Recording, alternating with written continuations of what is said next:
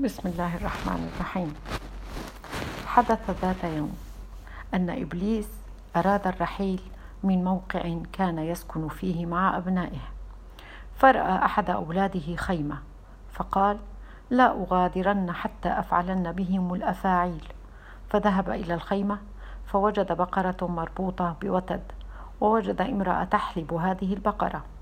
فقام فقام فحرك الوتد فخافت البقرة وهاجت فانقلب الحليب على الأرض فغضبت المرأة فدفعت البقره بشدة فسقطت البقره وماتت. فجاء زوجها فرأى البقره فطلق زوجته وضربها. جاء قومها فضربوه. جاء قومه فاقتتلوا واشتبكوا. تعجب إبليس فسأل ولده ويحك ما الذي فعلت؟ قال لا شيء فقط حركت الوتد.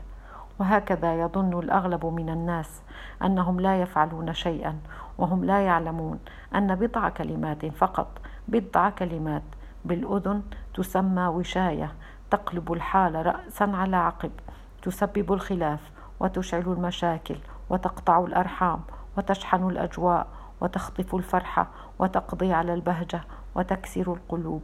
ثم يظن الفاعل أنه لم يفعل شيء فقط. يحركون الوتد.